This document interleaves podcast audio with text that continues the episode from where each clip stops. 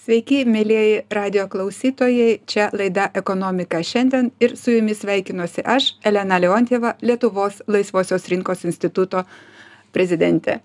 E, vidutinė pensija Lietuvoje yra 474 eurai. Ir tai yra didžiulė paskata žmonėms draustis privačiai ir nuo jaunystės pradėti galvoti apie tai, kad jie turėtų senatvėje kažkokias tai adekvačias pajamas. E, tačiau e, gyvybės draudimo ir privataus pensijų kaupimo rinką drebina tokie politikų pažadai kažką iš esmės keisti toje sistemoje, žadama keisti ir apmokestinimo tvarką, ir galbūt netgi ir patį brokerių veikimo modelį ir visi šitie dalykai gali gerokai sumažinti mūsų galimybes turėti aprūpintą senatvę. Ir apie tai šiandien pakviečiau į studiją pakalbėti Gedrių Rimšą. E, Gedrius yra e, gyvybės draudimo asociacijos e, vadovas. Ir taip, Labadiena. Ir Šarūnė Petrošiūtė. E, Šarūnė yra finansų konsultantė ir Marijampolėje veikiančios bendrovės Inspira Life įkūrėja. Sveiki. Labadiena. Labadiena. Kaip, Gedriau, jūsų nuomonė, kas didžiausias nerimas šiandien yra tiek e, rinkos dalyviams, tiem, kurie tiekia paslaugas žmonėm, tiek ir patiem žmonėm nes ne paslaptis kad nuolatinės kalbos apie tai kad kažkas bus keičiama e, žmones verčia sunerimti e, kiek žinau šiek tiek sumažėjo netgi ir naujų sutarčių pasirašymas. Tai kas jūsų nuomone yra didžiausias iššūkis šiandien? Taip, draudimo bendrovėms, e, gyvybės draudimo bendrovėms šiuo metu yra nelengvas metas, reikia pripažinti, vien todėl, kad paskutinis pusmetis lėmė keletą valdžios institucijos sprendimų, kurie tiesiogiai įtakotų, jeigu būtų priimti atitinkamai e, Seime sprendimai, įtakotų veiklą. E, kalbėkime visų pirma apie mokesčių pertvarkos e, pateiktą scenarijų, pagal kurį daug verslų pajustų tą neigiamą įtaką daugelio aspektų. Gyvybės draudimo bendrovės taip pat pajustų per numatomą gyventojų pajamų mokesčio susigrąžinimą, permokų susigrąžinimą, e, individualios veiklos e, apribojimus arba sąlygų bloginimą. E, tikrai daugiau bendrovėms būtų stiprus poveikis vykdyti toliau veiklą ir taip pritraukiant naujus klientus. Kitas dalykas, kuris taip pat neramina gyvybės draudimo bendrovės, tai yra Lietuvos banko pateikti po viešos konsultacijos siūlymai e, ženkliai pakeisti e, įmonių veiklos netgi modelius, galėčiau pasakyti. E, tai susiję visų pirma su komisinių mokėjimų draudimo tarpininkams, tai draudimo agentams bei brokeriams, kas mūsų nuomonė įtakotų konkurencijos dėsniams, konkurencijos principams konkrečiai įstatyme aiškiai pasakyta kad na turi būt užtikrinta ūkinės veiklos laisvė ir visos šalys gali ir turi veikti vienodomis konkurencijos sąlygomis rinkoje. Visi šie dalykai, kaip aš paminėjau, įtakotų gyvybės draudimo įmonių veiklą, bet aišku, labiausiai mūsų nuomonė atsilieptų ir vartotojam, mūsų klientam, nes klientai taip pat pajustų na tuos sprendimus kurie būtų padaryti kurie dabar yra planuojami. Jei kalbėtume apie mokesčių pertvarką tai pagal siūlomus sprendimus na gyventojų mokesčio permokos susigrąžinti būtų nebegalima nuo kitų metų. Esamom sutartim galiotų dešimties metų pereinamasis laikotarpis tiksliau ne pereinamasis o galima sakyt būtų baigiamasis laikotarpis kuris ir uždarytų šio šių permokų grąžinimą tai mūsų nuomone tikrai neskatintų ir neskatina žmones galvoti apie gyvybės draudimo produktų pasirinkimą kaip apie alternatyvą patiems investuoti kaupti ateičiai ir taip užtikrinti geresnę oresnę savo ateitį. Kas liestų mano antrą pastebėjimą arba nerimą dėl lietuvos banko pasiūlymų tai čia taip pat vartotojas nukenčia nes jisai praranda galimybę rinktis produktus laisvai rinkoje pasirinkti sau norimą aiškų suprantamą kanalą platinimo taip pat pasirinkti bendrovę kuri jam pasiūlytų tą produktą. Ir aišku mūsų nuomone kadangi sumažėtų tokiu atveju draudimo tarpininkų skaičius arba pasikeistų platinimo tinklas tikėtina kad vartotojai nukentėtų nes neturėtų atokesniam miesteliuose regionuose sau tinkamos paslaugos tai mano nuomone šie sprendimai keli kurie pasiūlyti šiuo metu valdžios institucijų tikrai blogintų tiek gyvybės draudimo įmonių veiklą tiek ir pačių vartotojų sąlygas. Tai konkurencijos mažinimas tikrai skamba pesimistiškai. Noriu kreiptis į šarūnę jūs veikiate marijampolėje. Mhm, Marijampolėje ir Vilniuje. ir vilniuje taip. Ir kaip jums atrodo tas kaltinimas kad e, draudimo tarpininkai yra pernelyg suinteresuoti kad parduotų tam tikrus produktus. Man atrodo kad tai yra normalu kad kiekvienoje veikloje mes esam suinteresuoti rezultatu suinteresuoti rasti kažkokį sąlyčio tašką ar ne? Ir didžiausiu absurdu atrodytų jeigu būtų įgyvendinta lygiava. Ir gerai veikiantis tarpininkas ir prastai veikiantis gautų vienodą atlyginimą.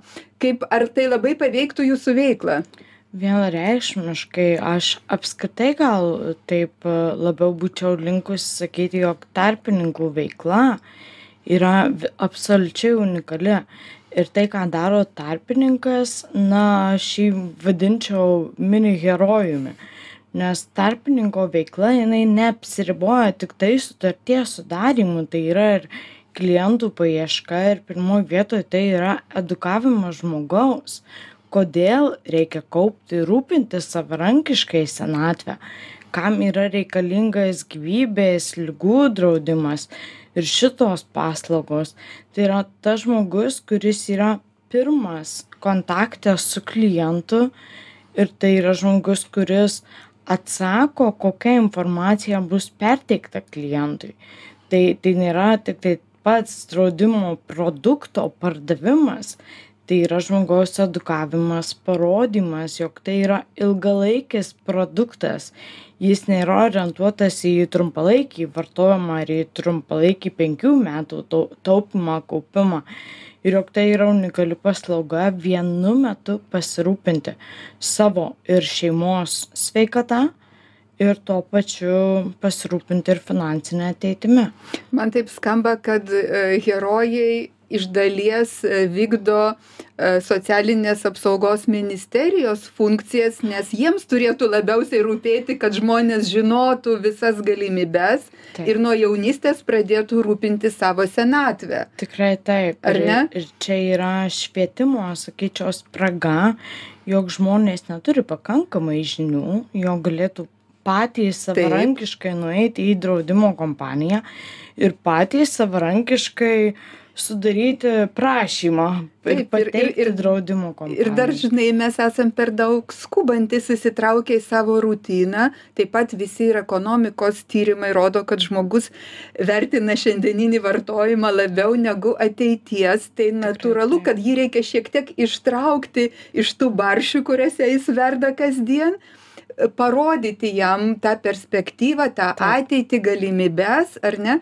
ir tam reikia to suinteresuoto žmogaus kuris kuris kažkaip įeitų į tą žmogaus rutiną Taip, kuris nuimtų tuos rožinius sakinius, jog kažkas kitas juo pasirūpins ir sugražintų į realybę, jog tik tai mes patys esame atsakingi už savo finansinę ateitį.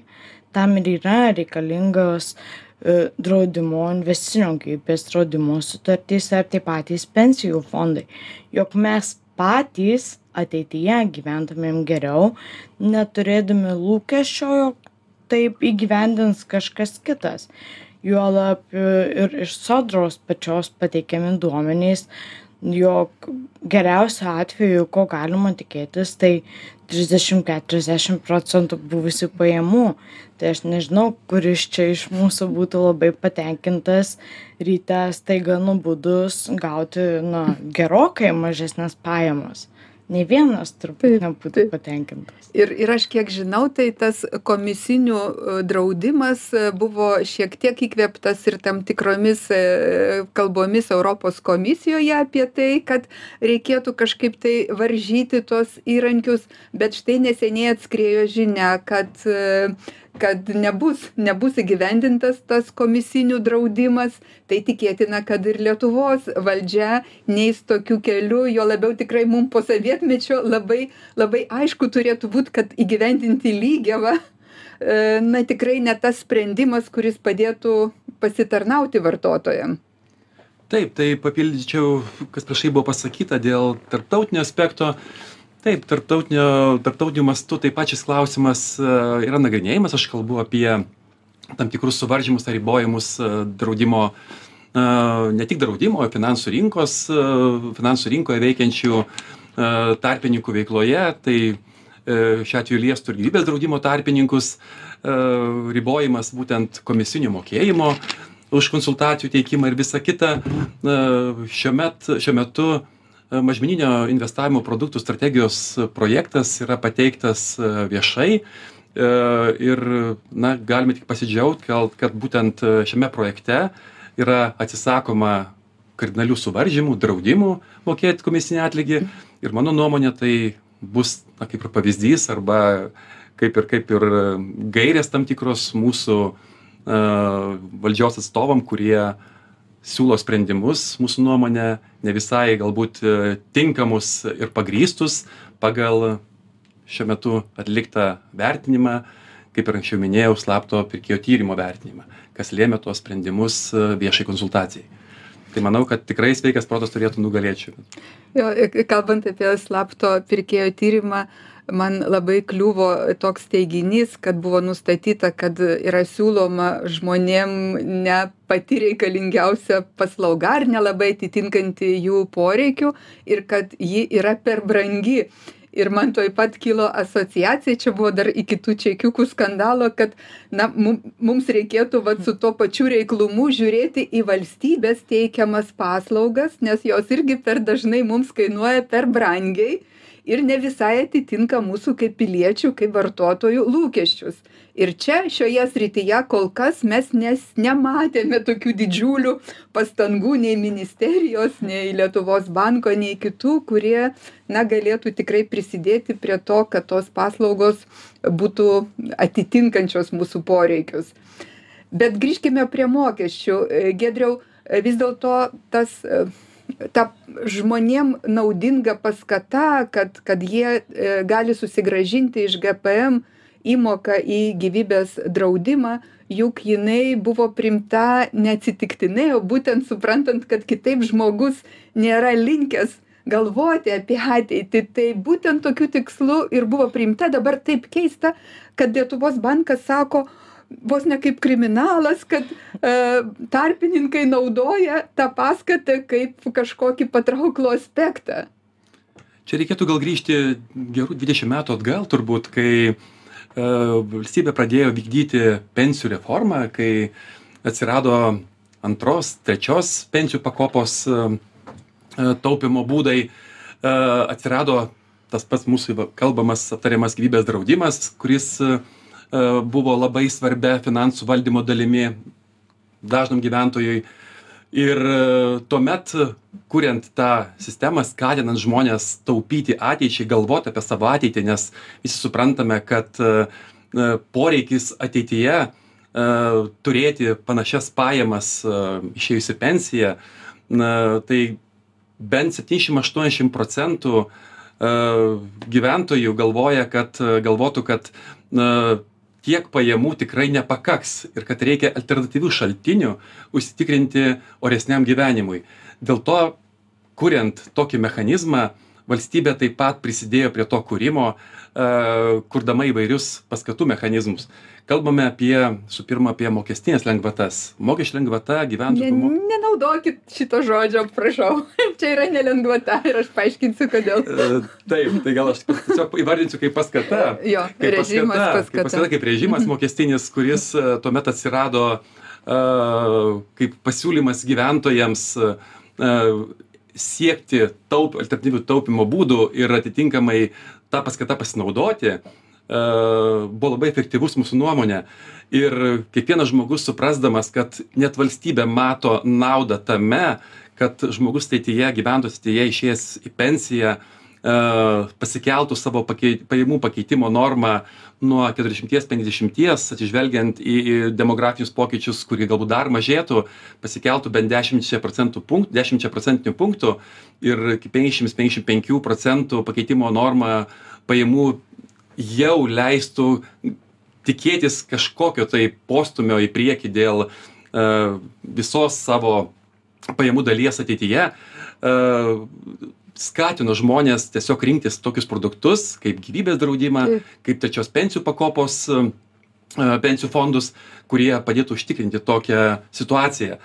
Ir šiuo metu, kai pasigirsta sprendimai, kad vis dėlto uh, tokios paskatos nebereikalingos, tai turbūt parodo, kad valstybė keičia savo požiūrį ilgametį savo strateginį tikslą, atsisakyti padėti, remti tuos gyventojus, kurie tiesiog bando įvairiais būdais prisidėti prie socialinių pokyčių sistemoje, tai yra patys būti daugiau finansiškai socialiai atsakingi ateityje nei būtų jei nieko nedarytų.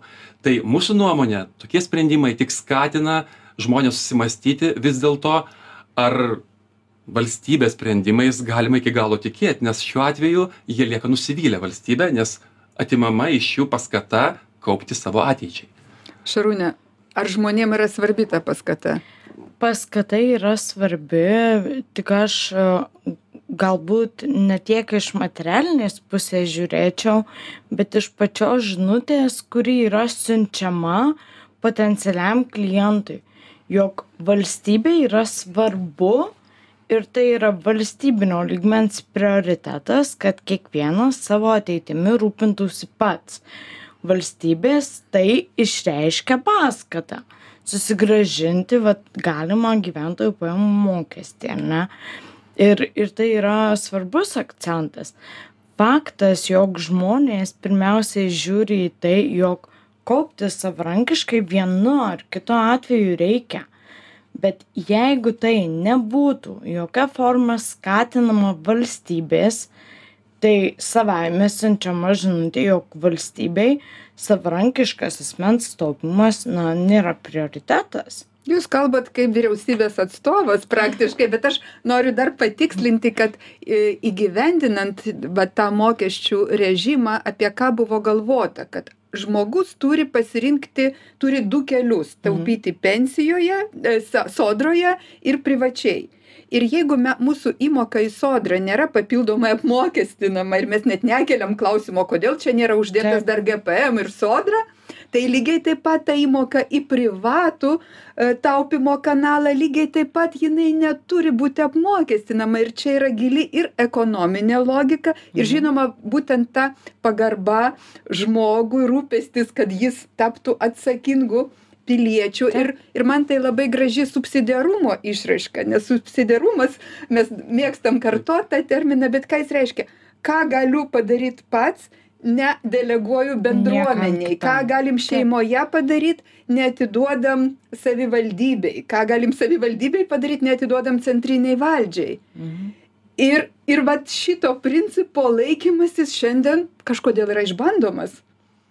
Man tai liūdna bendrai taip žiūrint nes nu vis dėlto norėtųsi atsižvelgiant ir į demografinę visą situaciją na jinai tikrai negerės nėra jokių rodiklių kurie identifikuotų.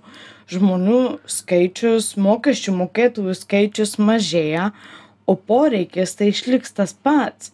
Kokybiškai ir oriai taip sakant gyventi senatvėje. Tai žmogus ir ta pati valstybė. Ji privalo būti suinteresuota valstybė. Jog žmogus taupytų savarankiškai tai tarsi duodama paskatinimą o žmogus suvokdamas jog aš pats esu atsakingas už savo finansinę ateitį ir tą atsakomybę aš prisiimu kaupdamas savarankiškai. Auksiniai žodžiai. Tik belieka palinkėti kad mūsų valdžia tikrai tuo tuo e, restartuotų tą įsitikinimą. Ir dar papildyčiau ir labai svarbų momentą paminėčiau, e, juk mes kalbam apie tą dalį gražintiną iš valstybės e, iki 300 eurų per metus, kurią patys gyventojai Taip. savo pajamų, iš savo pajamų savo sumokėjo, savo prakaitų uždirbo ir sumokėjo valstybei. Tai tiesiog valstybė turi suprasti, kad tiesiog ji na, savo ruoštų tiesiog turi sumažinti tą pajamų mokesčio dalį, negauti savo kažkokiam kitom reikėm, bet tiesiog tuo pačiu leisti žmonėm prisidėti prie savo paties taupimo. Ateičiai. Būtent ne, neapsunkinti taip, to privataus taip. kaupimo kažkokia taip. papildoma našta. Todėl, Nes jeigu vat, tai yra apsunkinta, tai žmogui tada, nu čia yra jau po, po visų pajamų mokesčių ir po sodros mokesčių, nu jau, jau jam labiau norisi tuos pinigus vartoti. Taip, todėl aš ir nemėgstu to vadinti lengvata. Nu, tai nėra lengvata. Taip. Juk mes patys mokam tuos mokesčius. Taip. E, padarykime trumpą pertrauką. Primenu klausytojam kad mes šiandien kalbame apie ilgalaikį gyvybės draudimą ir kitus būdus aprūpinti mūsų senatvę. Likite su žinių radiju grįžtame į studiją. Su jumis ekonomika šiandien ir elena leontjeva lietuvos laisvosios rinkos instituto prezidentė.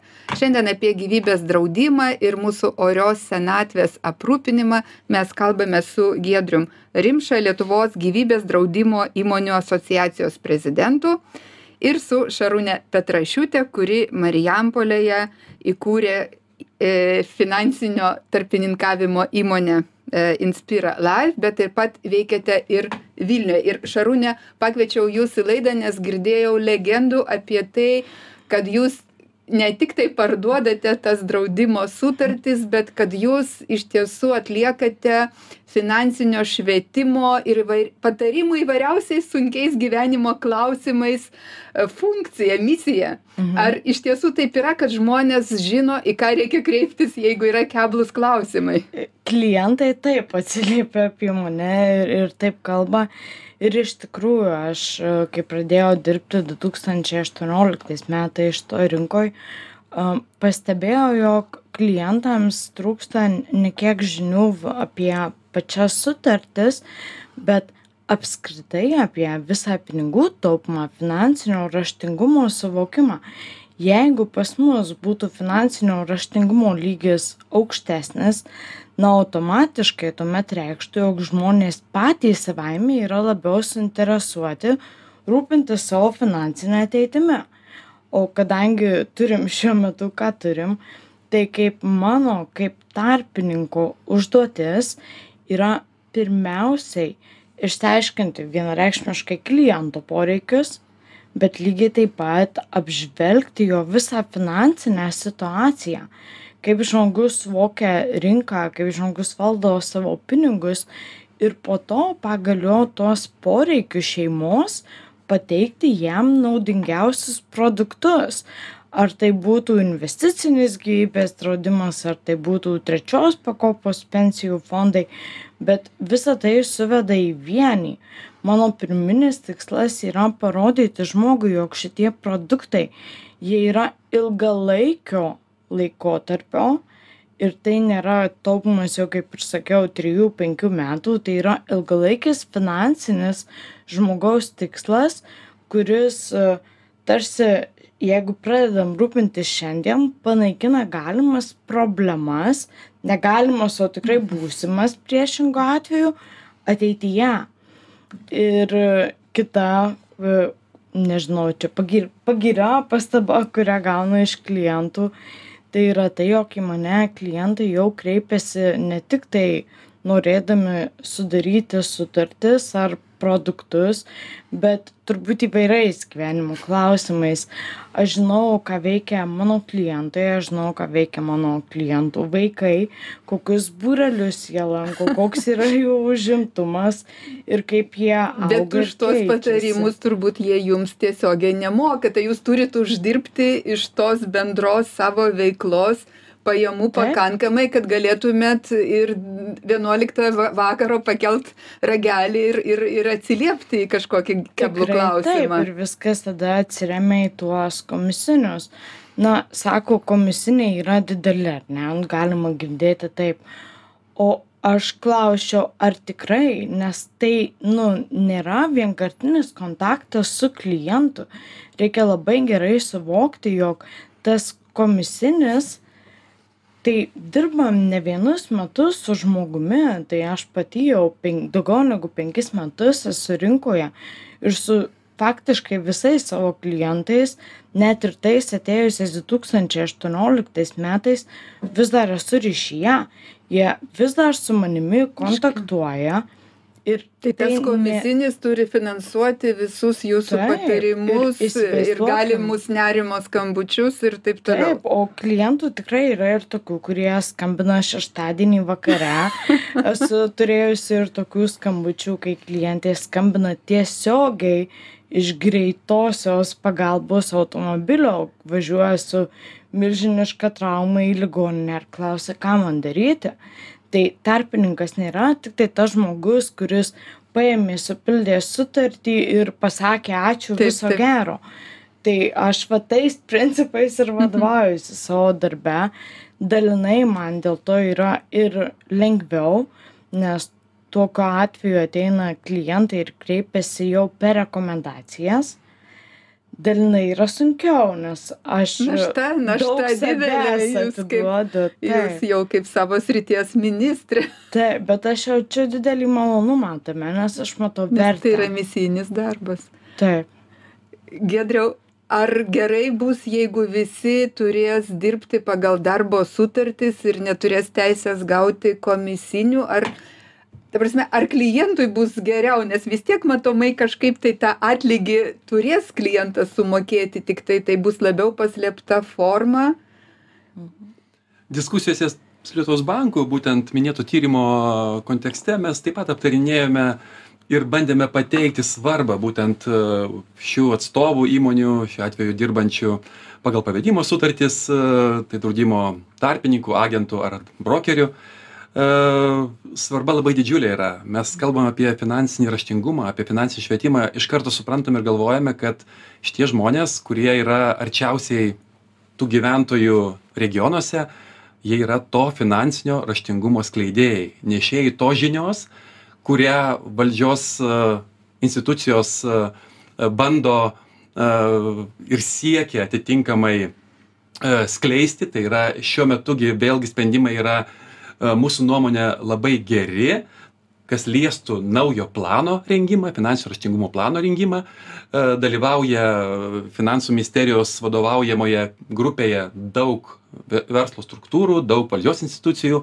mokymo įstaigų ir mūsų nuomonė to plano buvimas, kompleksinio plano buvimas daugelio priemonių pavertimas tikrovę įtakotų atitinkamai finansinio raštingumo lygio pakelimui ir tai leistų žmones jaustis užtikrinčiau tvirčiau ir priimti racionalius racionalius efektyvesnius sprendimus savo finansų valdymo srityje. E, kalbant toliau ir atsakant į jūsų klausimą apie formas, jeigu formos apmokėjimo ir veiklos formos e, draudimo agentų pasikeistų pagal siūlomus sprendimus, ko, kas išdavoje tų sprendimų tikrai būtų matyt realybė, jeigu atsidurtų agentai tiesiog na, tokioje darbo santykių formoje kaip darbo santykiai, bet ne kita forma, kurią mes įvardėm kaip verslo modeliais, tai induli veikla ar įmonių kūrimas kaip subjektų atskirų verčia besverčiant tą veiklą mes manytume kad tai būtų neadekvatus žingsnis šiem procesam e, visų pirma dėl to kad valstybė turi skatinti verslumą ir eiti į tai kad